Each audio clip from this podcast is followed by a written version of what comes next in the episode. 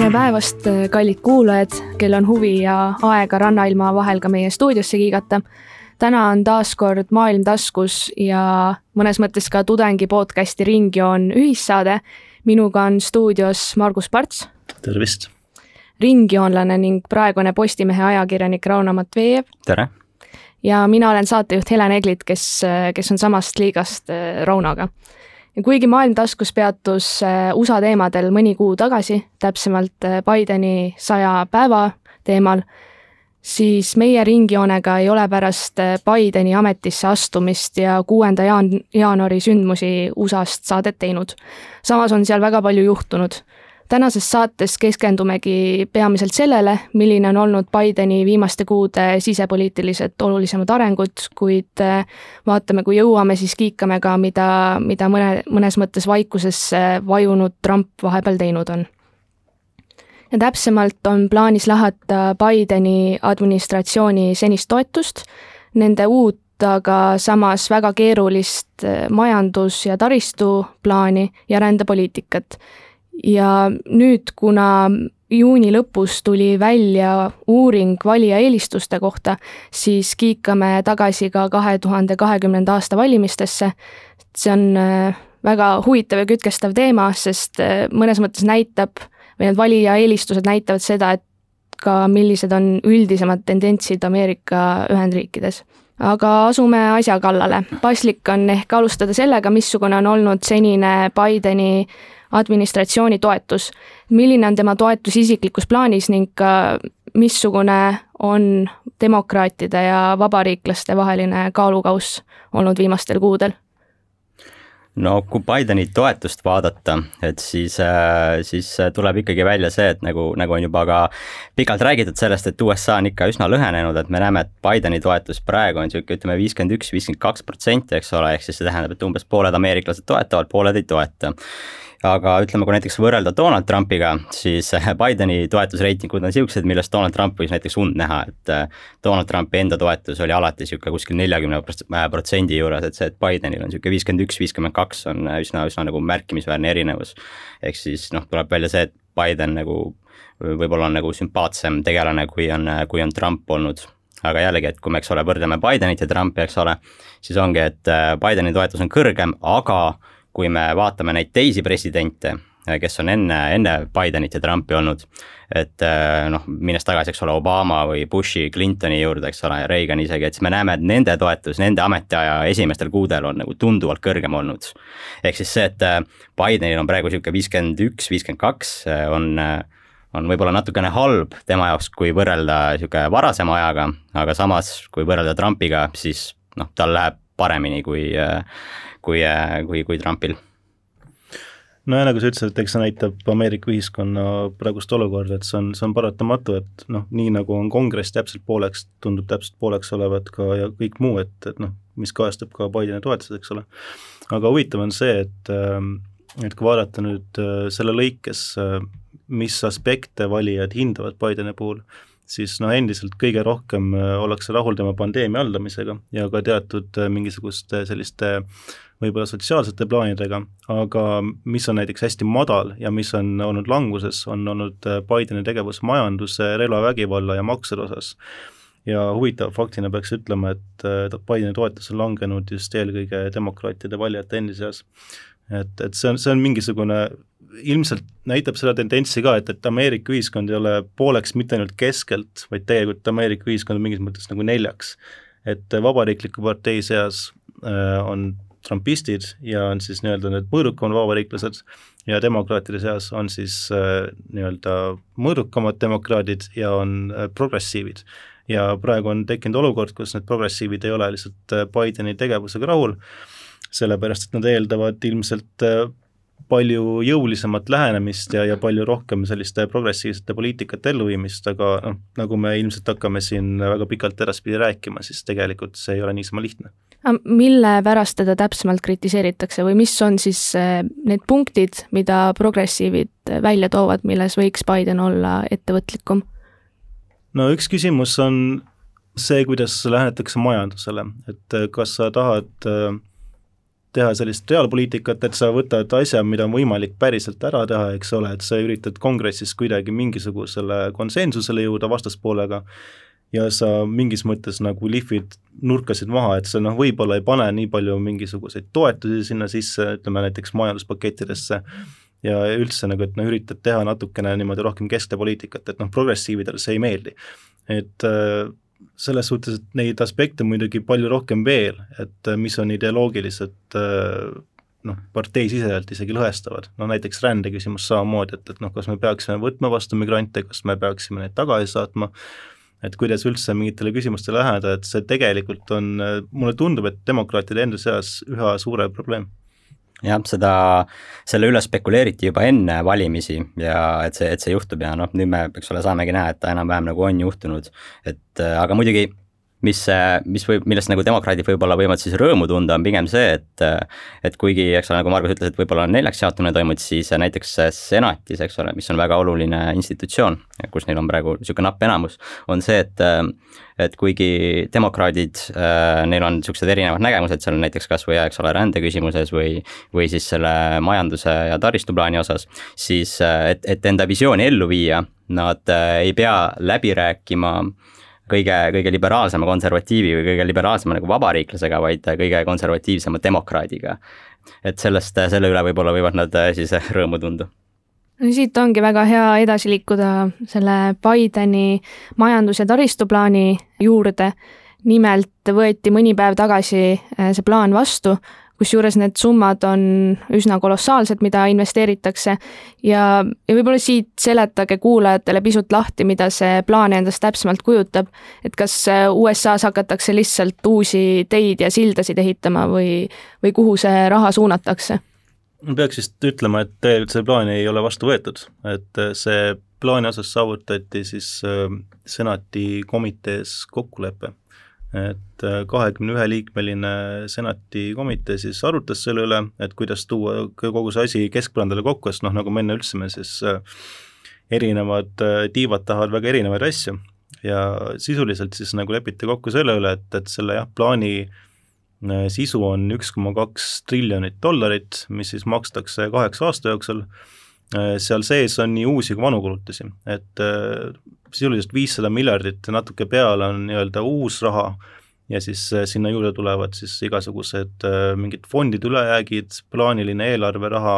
äh, osariiklikud kulutused, kõik muu selline nipet-näpet, et et tuleb see üks koma kaks triljonit kokku. põhimõtteliselt, miks see asi läbi ilmselt läks praegu, on see, et see ei näe ette maksutõusu. Et see on näiteks vabariiklaste jaoks väga oluline punkt, et makse ei tõsteta teiseks meeldib ilmselt vabariiklastele see ka, et, et see plaan loob tulevikus, kui see nüüd läbi läheb päriselt ja saab igal tasandil heaks, heakskiidu, siis see ilmselt loob päris palju töökohti ja kasvatab majandust sellega. aga seal on nagu noh, väga-väga palju erinevaid vastuolusid, et, et miks selle vastuvõtmine on nagu reaalselt ülikeeruline et noh, kas või isegi kui ma ei lähe sinna nii-öelda nitty-gritty'sse, et, et mis seal nagu mingisugused poliitilised aspektid on või need nii-öelda poliittehnoloogilised aspektid, siis näiteks plaani enda sees vaieldakse juba sellele, et mis üldse on taristu, et nagu mida, mida me peaksime toetama, et, et et näiteks vabariiklased mängivad väga selgelt kaarti sellele, et nende elektoraat on maapiirkondades, me peaksime ehitama rohkem maanteid, me peaksime tegelema selliste nagu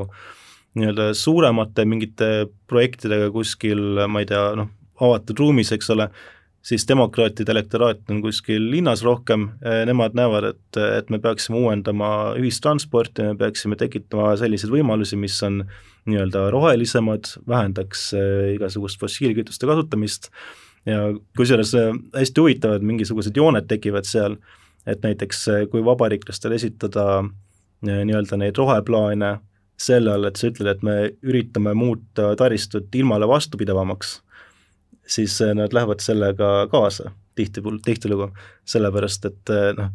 see, sul võib olla see plaan põhimõtteliselt sama asi, et sa võib-olla uuendad mingisugust kriitilist taristut niimoodi, et ta oleks ka keskkonnasõbralikum, eks ole, aga kui sa ütled selle kohta, et sa teed selle weather resilient'iks, mitte et see on mingisugune roheplaan, siis vabariiklased on, et aa okei okay,, davai, teeme ära, eks ole. Aga et, et no igasuguse niisugune roheteema, et see on nagu endiselt nagu väga suur vastuolude koht. Ja, ja seal on igasuguseid muid asju ka. Nagu ma aru saan, siis tegelikult äh, on ka varem või üsna pikalt tahetud äh, sellist plaani vastu võtta, aga varem nii demokraadid kui ka vabariiklased ei, ei ole sellega toime tulnud ja siis nüüd tundub, et see võimalus on järsku tekkinud või, või Biden on igatahes esitanud seda üsna, kui see läbi läheb, siis üsna suure võiduna enda jaoks. On, eks ole, ütlus, et head kriisi saa raisku lasta, et ma arvan, et see on nagu pandeemiaga kindlasti seotud. Ja eks ole, viimased kümme aastat äh, ei ole demokraatidel olnud Äh, enamust, vähemalt noh, kõigis kolmes äh, institutsioonis, siis neil võib-olla on olnud president, eks ole, aga neil ei ole olnud nii senatit kui, kui ka näiteks esindajate koja samal ajal, et praegu on nagu esimene kord kümne aasta jooksul, millal neil on kõik need institutsioonid enda käes ja millal neil on ka nagu reaalselt võimalus midagi sellist teha. et see võib-olla on nagu üks asi, äh, mille, mille pärast nüüd just praegu peale minnakse. teine asi on ka see jah, et eks ole, pandeemia, et see, selle, selle varjus, eks ole, saabki võib-olla teha asju, mida varem ei peetud võimalikuks Äh, tuues siis võib-olla ettekäändena, et äh, et praegu ongi niisugused teistsugused ajad, mis nõuavad äh, suuremaid, suuremaid tegusid. no sellel plaanil on tegelikult ka ju sümboolne tähendus, et mõnes mõttes, kas parteiülesus on võimalik, et kui, kui te mõlemad tõite väga hästi välja, et see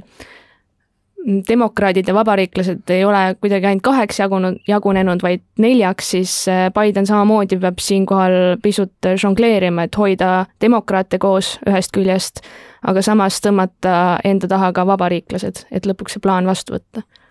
ei, põhimõtteliselt noh, tegelikult äh, jah, see on tõsi, aga ütleme, et juba see, et tegelikult selle kokkuleppeni, esialgse kokkuleppeni jõuti, on tegelikult päris suur asi, et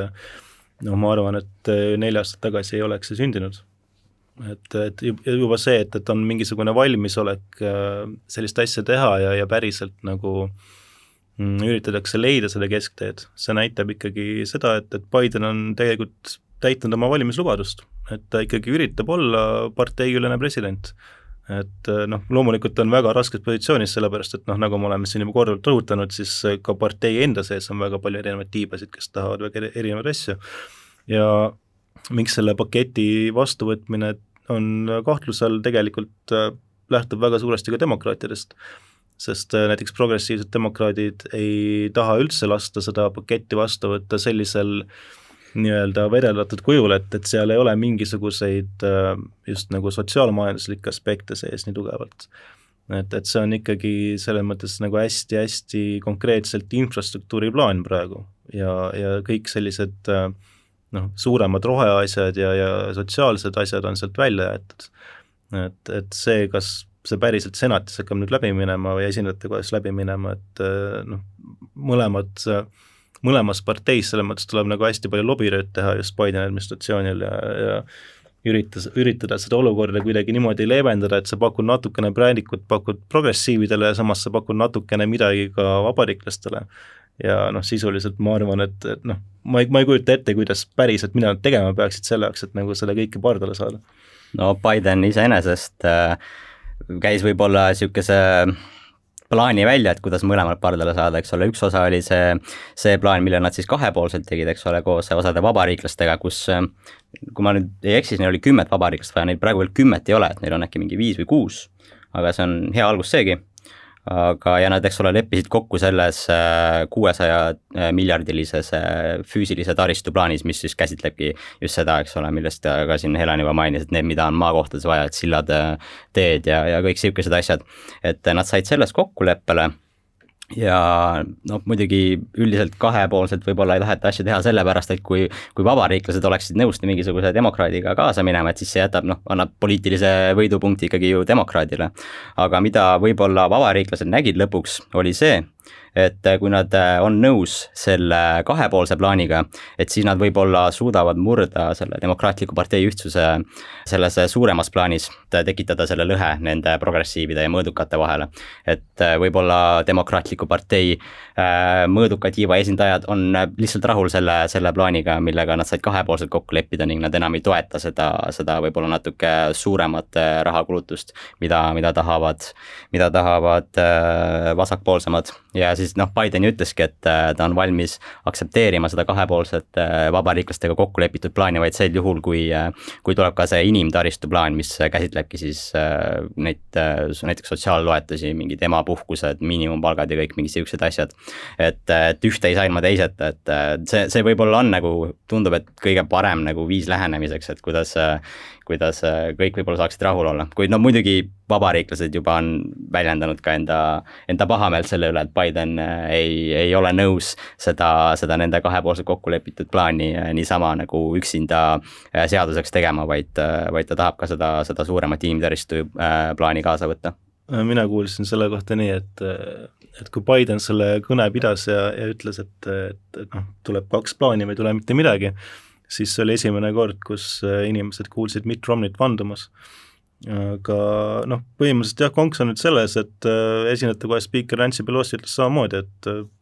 tuleb lihtsalt võtta see nii-öelda reconciliation bill, kuidas iganes seda tõlkida eesti keelde, et, et ma ei hakka parem seda isegi tõlkima. et tuleb, tuleb see vastu võtta samamoodi nagu see taristuplaan ja ainult, ainult sel juhul liigub see, liigub see hääletamisele. noh, sisuliselt jah, et äh, nagu siin sai mainitud, et see on hea võimalus, kuidas üldse selliseid asju läbi suruda, noh, samas tegelikult on ju reaalne võimalus ka see, et mõlemal lähevad põhja. jah, eks ta niisugune riskiga mängimine ole, aga aga nagu kuidas öeldaksegi, et suure riskiga on suur autasu see on väga huvitav punkt, mis sa, Rauno, välja tõid selle kohta, et mis, mis võib olla vabariiklaste motivatsioon selle vastuvõtmise taga, et justkui lõhestada demokraate, et kuidagi toob esile seda, et mõnes mõttes on tegu ikkagi poliitilise mänguga. aga siin, ma arvan, selle, selle plaani puhul võib-olla tuleks ka vaadata seda, et et äh, mis ja kes äh, nagu toetavad seda, seda selliseid suurte summade kulutamist. ja mis nagu välja tuleb, on see, et tegelikult niisugune märkimisväärne osa vabariiklaste valijaid toetab seda, et ütleme, mingi kolmkümmend protsenti või nii, et see on nagu ütleme, iga kolmas ju tegelikult. ehk siis, kui äh, vabariiklased nagu ütleme, need poliitikud, kes on senatis, kes on esindajate kojas, et nad ei taha seda poliitilist võidupunkti nagu täiel määral anda demokraatidele, siis nad on valmis äh, siiski nii palju kaasa minema, et just enda valijatele pakkuda seda, mille, mida, millega nad äh, võib-olla ise juba nõus on. ehk siis noh, see, mis väljendub selles kolmekümne, kolmekümne protsendilises toetuses. no aga noh, realistlik minu arust on ikkagi see, et, et tõenäoliselt üritatakse hoida seda teist eelnõud laual nii kaua kui võimalik ja kui nähakse, et ikkagi sellega nagu asi edasi ei lähe ja siis ilmselt tõmmatakse see mingi hetk laualt maha ja üritatakse teha niimoodi, et, et võetakse kas või see esialgne taristuplaan vastu. sa mõtled siis, et võetakse maha see kahepoolselt kokku lepitud? ei, võet-, see jäetakse pigem pinnale mm. ja siis võetakse maha see nii-öelda eh, demokraatide enda eh, südameasi siis, mis on see nii-öelda tingimuslik eelnõu, mis sinna juurde toodi siis? ma ise kipun arvama, et see ikkagi võetakse vastu, see demokraatide enda oma, aga võib jah, äkki juhtuda, et ta ei tule lihtsalt nii suures ulatuses, äh, nagu algselt välja käidud. aga seda näitab tulevik siit, äh, siit on hea tulevikku edasi liikuda. nimelt äh, järgmine ja suurem aktuaalsem ettevõtmine, millega Bideni administratsioon praegu tegeleb, on rändekriis või rändeküsimus. et juba märtsikuus seadis Biden asepresidendi Harrise tegelema rändeküsimusega. sellele keskendus ka Trumpi administratsioon, aga radikaalselt teise nurga alt ja seetõttu on Bideni perspektiiv paljud vabariiklased praegu tagajalgadele ajanud aga kui lühidalt kokku võtta, siis, siis nende, selle rändeplaani eesmärk on arendada Kesk-Ameerika riikide elutingimusi, et seekaudu vähendada nende motivatsiooni USA-sse sisse rändama. ehk siis proovitakse rändeküsimusele keskenduda rohujuure tasandil demokraadid on väljendanud, et äh, selleks, et äh, Ameerika Ühendriike turvalisena hoida, peab, äh, peab hoidma nende naabreid turvalisena. ja mida siis täpsemalt seal rohujuure tasandil arendada või parandada soovitakse ja ja kui, kui need sisserändajad Kesk-Ameerika riikidest tulevad, siis kas nad tulevad pigem majanduslikel või julgeolekulistel põhjustel, mida, mida Bideni administratsioon soovib Kesk-Ameerikas teha no tegelikult seda, et äh, Kesk-Ameerika riikide probleemide, nii-öelda rohujuure tasandi probleemidele on keskendutud, no seda on olnud varemgi. aga sisuliselt praegu on noh, vähemalt minu silmis on võetud äh, väga tark seisukoht selles mõttes, et Harris on öelnud, et pannakse väga palju rõhku süstema-, noh, süsteemsetele probleemidele, näiteks nagu korruptsioon. korruptsioon on väga suur faktor Kesk-Ameerika riikides, miks näiteks nende riikide majandus absoluutselt jalgu alla ei saa, kõik valitsusasutused sisuliselt on ikkagi allutatud mingisugusele korruptiivsele skeemile ja, ja see omakorda mõjutab väga otseselt inimeste elujärge, mõjutab seda, kuhu lähevad mingisugused fondid, mida eraldatakse näiteks Ameerika Ühendriikidest. et, et noh, kui sa ei saa seda probleemi lahendatud, siis sisuliselt nagu seal riikides on väga raske midagi muuta. et noh, Harris on ju endine sa-, samamoodi ju prokurör, ilmselt ta näeb väga selgelt, et millised on selliste asjade tagajärjed ja kui ta nüüd käis Kesk-Ameerika riikides ja, ja Guatemalas seal rääkis presidendiga ja ja pidas seal kohtumisi, siis see oli ka üks asi, mida ta väga selgelt toonitas, et, et tuleb korruptsioon välja juurida üks, ükskõik mis hinnaga. Ja see oli eriti selles mõttes huvitav seetõttu, et, et Guatemala korruptsioonivastane amet siis on valitsuse poolt ebasoosingus, sellepärast et seesama korruptsioonivastane amet on siis võtnud ka kaudselt sihikule presidendi et noh, ma kujutan ette, et ilmselt sellel korruptsioonitõrjeameti juhil on nagu palju kergem nagu öösel magama minna, teades, et sul on Ameerika Ühendriikide asepresidendi toetus, eks ole, et noh, võib-olla sind ei võeta ametist maha kohe või ei panda sind vangi või noh, mis iganes seal võib-olla muid selliseid äh, samme kasutatakse. et, et kõik see, sellised äh, süsteemsed äh, probleemid on ilmselt hea lähenemine, no ükskõik mis riigi puhul tegelikult, et, et noh, kui sa nagu need probleemid suudad ära lahendada, siis on mõtet sinna ka seda raha kühveldada. aga kui sa neid probleeme ära ei lahenda, siis nagu raha kühveldamine nagu noh, see võib muutuda mõttetuks lihtsalt. ja eks immigratsiooni puhul, äh, kui see al-, rohujuure probleemide lahendamine on alati see võtmeküsimus olnud, et see on, me oleme ka siin Euroopas ise näinud, et kui meil oli kaks tuhat viisteist, kuusteist immigratsioonikriis, et siis väga palju räägiti just äh, äh algprobleemi lahendamisest, eks ole äh,. muidugi äh, Kesk-Ameerikas, see, kus need migrandid kõik sealt äh, tulevad äh,, Põhja-Ameerikasse, on see, see, mille kohta nimetatakse põhjakolmnurgaks, et äh, see on siis Guatemala, kus käis Harris äh,, El Salvador ja ja siis äh, Honduras. Honduras just ning nad on kõik nagu väga sarnased riigid, üsna niisuguste sarnaste probleemidega. et peale selle, et eks ole, seal on korruptsioon vohab, siis seal on ka väga suure vägivallaga, eks ole, seal on üldse nagu suur vaesus. ja ka mingisugused niisugune looduskatastroofid, eks ole, et ja ka näiteks kõik need riigid on näiteks ka tuntud ka selle eest, et seal nagu põud on hästi palju, et, et lihtsalt ei ole võimalik vilja kasvatada või sööki, sööki nagu luua seal inimestele ja samamoodi orkaanid. jah, et, et ta on nagu lihtsalt tundub, et ei ole nagu vedanud selle piirkonna lihtsalt üldse. aga üks, üks Honduras opositsioonipoliitik nimetas selle immigratsiooni kohta nii, et, et nad, nad ei otsi Ameerika unelmat, vaid nad põgenevad Honduras õudusunenäo eest me just Raunoga enne saadet arutasime selle Harrise intervjuu üle, kus ta, kus ta ütles seda, et mis, mis, mis oli kõikide ajalehtede esikaanel, et Harris olevat öelnud, et et ärge tulge piiri lähedale või ärge tulge Ameerika Ühendriikide piirile, kuigi tegelikult see oli täiesti kontekstist välja lõigatud, sellepärast et Harris tahtis seda öelda, et ärge võtke seda teekonda ette, ärge kõndige maha sadu miile ja ärge tulge siia piiri äärde, sellepärast et see on ohtlik. mitte sellepärast, et me ei taha teid siia, nagu ütles Trump eel, eelmisel valitsemise ajal. nii et äh, tundub, et tõesti tahetakse rohujuure tasandil sellele probleemile läheneda ja ja tundub ka, no ma nõustun teiega, et see, see on ratsionaalsem kui lihtsalt müüri ehitamine piiri äärde. jaa, aga samas tegelikult äh, see ärge tulge tähendas ka seda, et et noh, migrandid tõepoolest saadetakse täielikult tagasi, et äh, Ameerika Ühendriikides, kui vahepeal nüüd ei ole just seda lõpetatud, siis kehtib endiselt ju artikkel nelikümmend kaks, mis tähendab seda, et eriolukorra ajal sa võid äh, nii-öelda piirilt inimesi tagasi saata, laskmata neil siis esitada neile legaalselt ette nähtud asüülitaotlust. et, et see peaks minu teada endiselt kehtima praegu ja ja noh, tegelikult selles suhtes, et ma saan aru, miks nagu Harrist kritiseeriti, et, et see on jällegi see teema, et, et väga paljud eriti progressiivsemad demokraadid näevad, et see on mingis mõttes nagu Ameerika Ühendriikide alusõiguste õõnestamine, et noh, kui sul on ikkagi seadusega ette nähtud õigus tulla piirile ja saada abi või vähemalt nagu abi taotleda,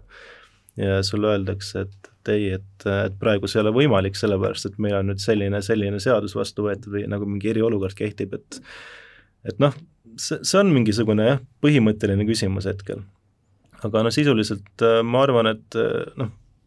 kõik, kõik see, mida Harris ja nagu muidu ütles, et see ikkagi pigem näitab ja et selle praegust administratsiooni nagu inimlikumast valgusest minu arust tõid hea, hea punkti välja, sellepärast et tegelikult seda Bideni administratsiooni on väga palju kritiseeritud, sellepärast et nad ei ole seda seadus neljakümne kahte tühistanud. Ja, ja neile ongi öeldud seda, et miks te käite siin piiri ääres El Pasos või, või, või Kesk-Ameerika riikides rääkimas neid asju ja proovimas nagu lahendada siis seda probleemi rohujuure tasandil, kui, kui teil endal on see seadus veel tühistamata, et olete lubanud seda teha, te ei ole seda siiamaani teinud ja et äh, Biden äh, oli ka, eks ole, üks tema valimislubadustest oli see, et äh, ta annab illegaalsetele immigrantidele armu. ehk siis, mis siis ilmselt tähendas seda, et ta lubab neil jääda ja ka see on nagu üks, üks asi, millega teda võib-olla kritiseeritakse, on see, et, et, et see on nagu osa sellest, miks siis immigratsioonitulv praegu ala, ava, avanes. kuigi noh, see on kaheldava väärtusega argument, sest noh, ega koroona ajal nii palju nad ei käinudki ja nüüd on nagu soojemad ilmad ja, ja võib-olla lihtsam on liikuma saada, nii et ka see on tegelikult võib-olla suurem põhjus kui,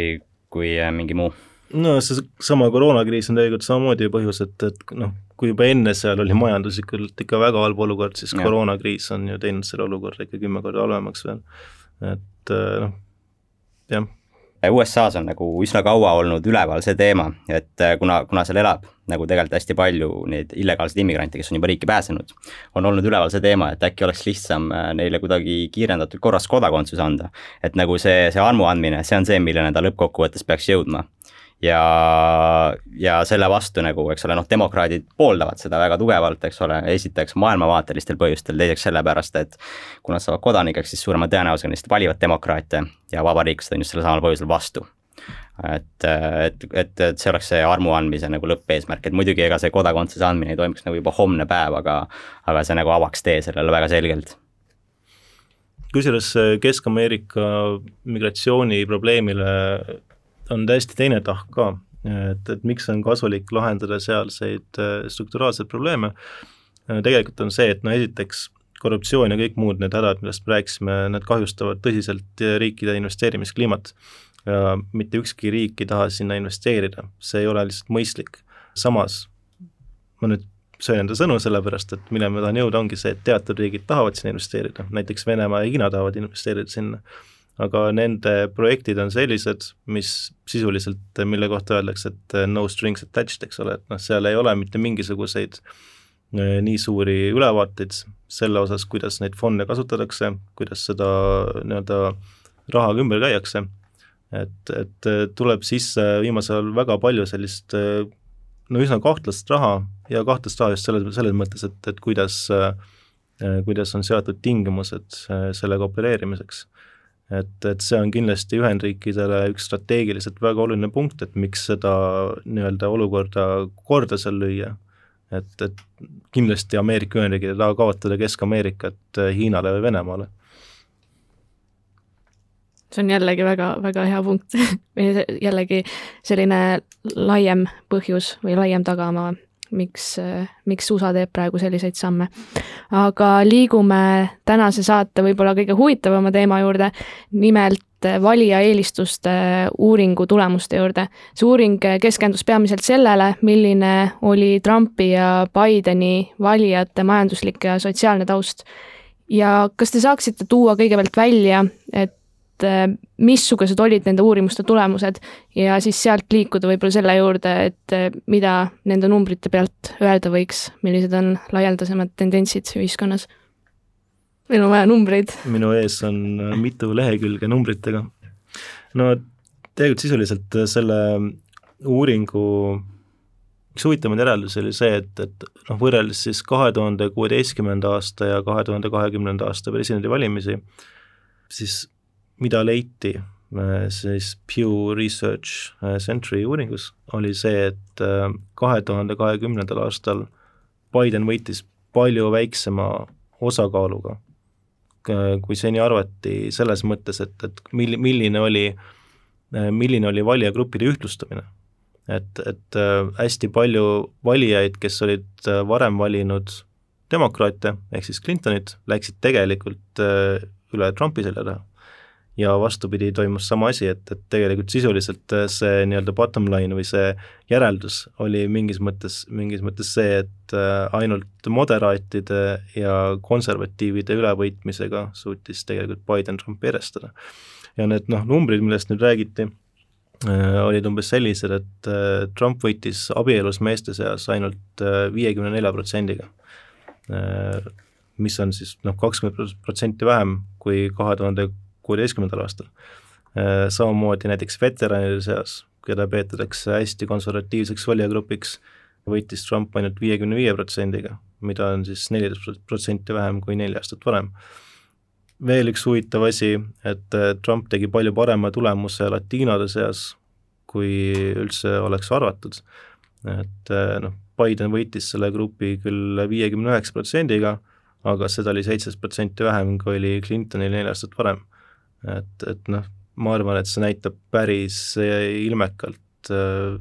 nende demograafiliste gruppide eelistuste muutumist, et noh, kui me nüüd tulevikku vaatame, siis äh, ma arvan, et vabariiklastel on väga hea võimalus hakata võitma üle näiteks latiino hääli nojah, latiino hääled, ma arvan, nagu väga paljud, vähemalt need, eks ole, Floridas Trump võitis nagu väga tugevalt, tugevamalt kui eeldati, et see oli nagu puhtalt nende latiino häälede pealt, et see eriti pealt... just kuubalaste pärast. jaa, just, sest Obama, eks ole, alustas seda, seda Kuuba sula nii-öelda, et suhete taastamist ja noh, kui sa oled Kuubast tulnud, siis sa ei taha väga, et et selle diktatuurirežiimiga seal suhteid taastatakse, nii et see on nagu see osalt põhjus, miks nad demokraate enam ei vali. aga, aga üldiselt nagu, nagu öeldakse nende latiinade kohta, et nad ei, nende val-, et see valijasgrupp ei ole nagu monoliit et äh, selles mõttes, et vabariiklastel kindlasti on potentsiaali seal, eriti veel, eks ole, rünnates demokraatia sellega, et nad tahavad võib-olla Kuubaga paremaid suhteid, aga võib-olla see ei ole miski, millega väga kaua nagu sõita saab. Latiinode puhul jaa, et, et nagu sa ütlesid, et ei ole mingisugune monoliitne grupp ja seal on tegelikult väga palju äh, väga palju segmente, mis hakkavad mängima vabariiklaste kasuks, et näiteks latiinod on väga usklikud äh, see on kindlasti mingi asi, millega vabariiklastel on väga hea püüda hääli teine asi on tegelikult see, et, et äh, latiinod on võrdlemisi konservatiivsed sotsiaalsetes küsimustes tihtipeale, mis on ka mingi asi, mis on vabariiklastele ju otseselt trump käes. ja, ja nii huvitav, kui see ka ei ole, siis äh, äh latiinod tihtipeale on konservatiivsed näiteks ka immigratsiooniküsimuste osas ja seda on tegelikult näha ka muudes riikides, kus immigratsioon on,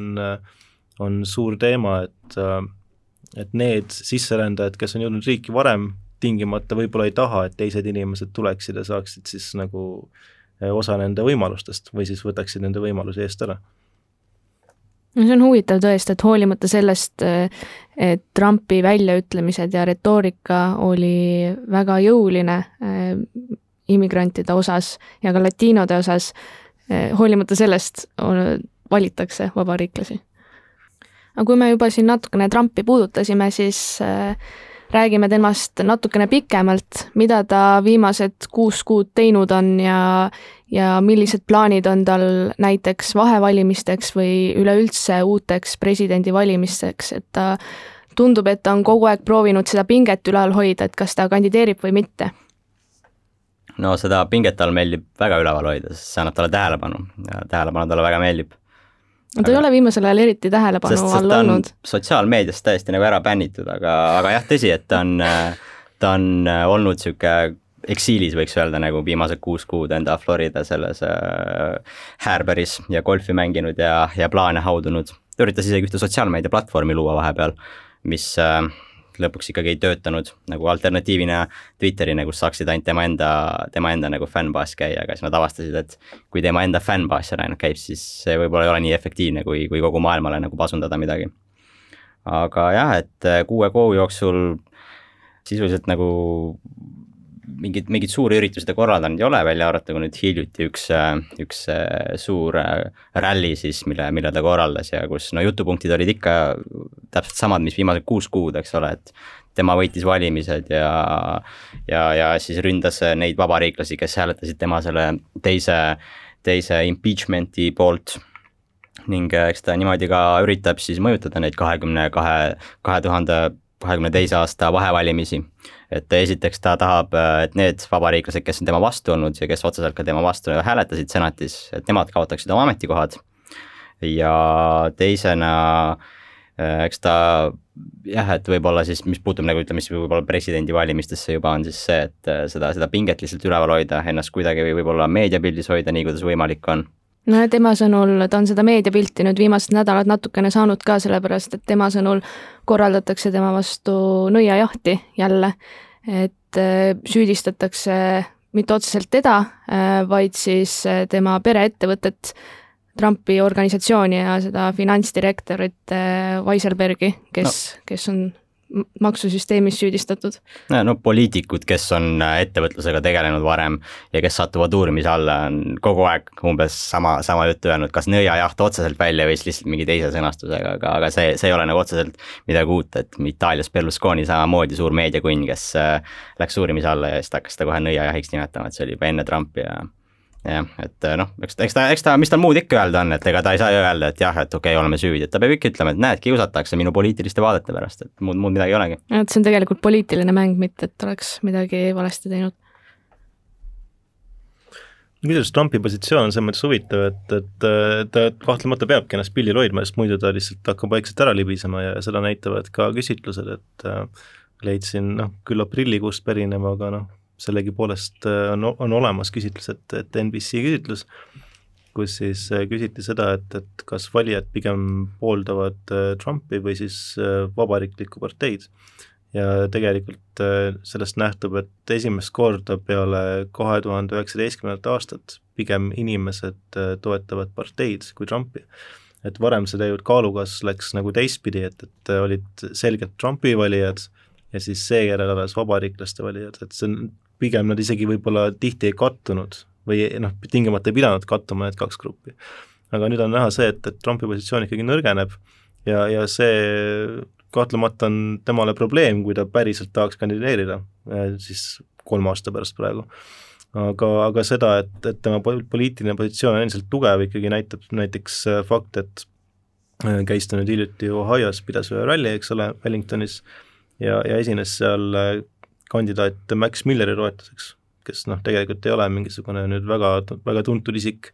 aga põhjus, miks ta seda tegi, oligi see, et, et praegune congressman siis äh, Anthony Gonzalez hääldas tema ametist tagandamise poolt. ja kui Trump mitte midagi ei, ei talu, siis on just see, et, et äh, keegi teda kuidagi vastutusele võtab või, või midagi tema vastu astub, et, et see selline äh,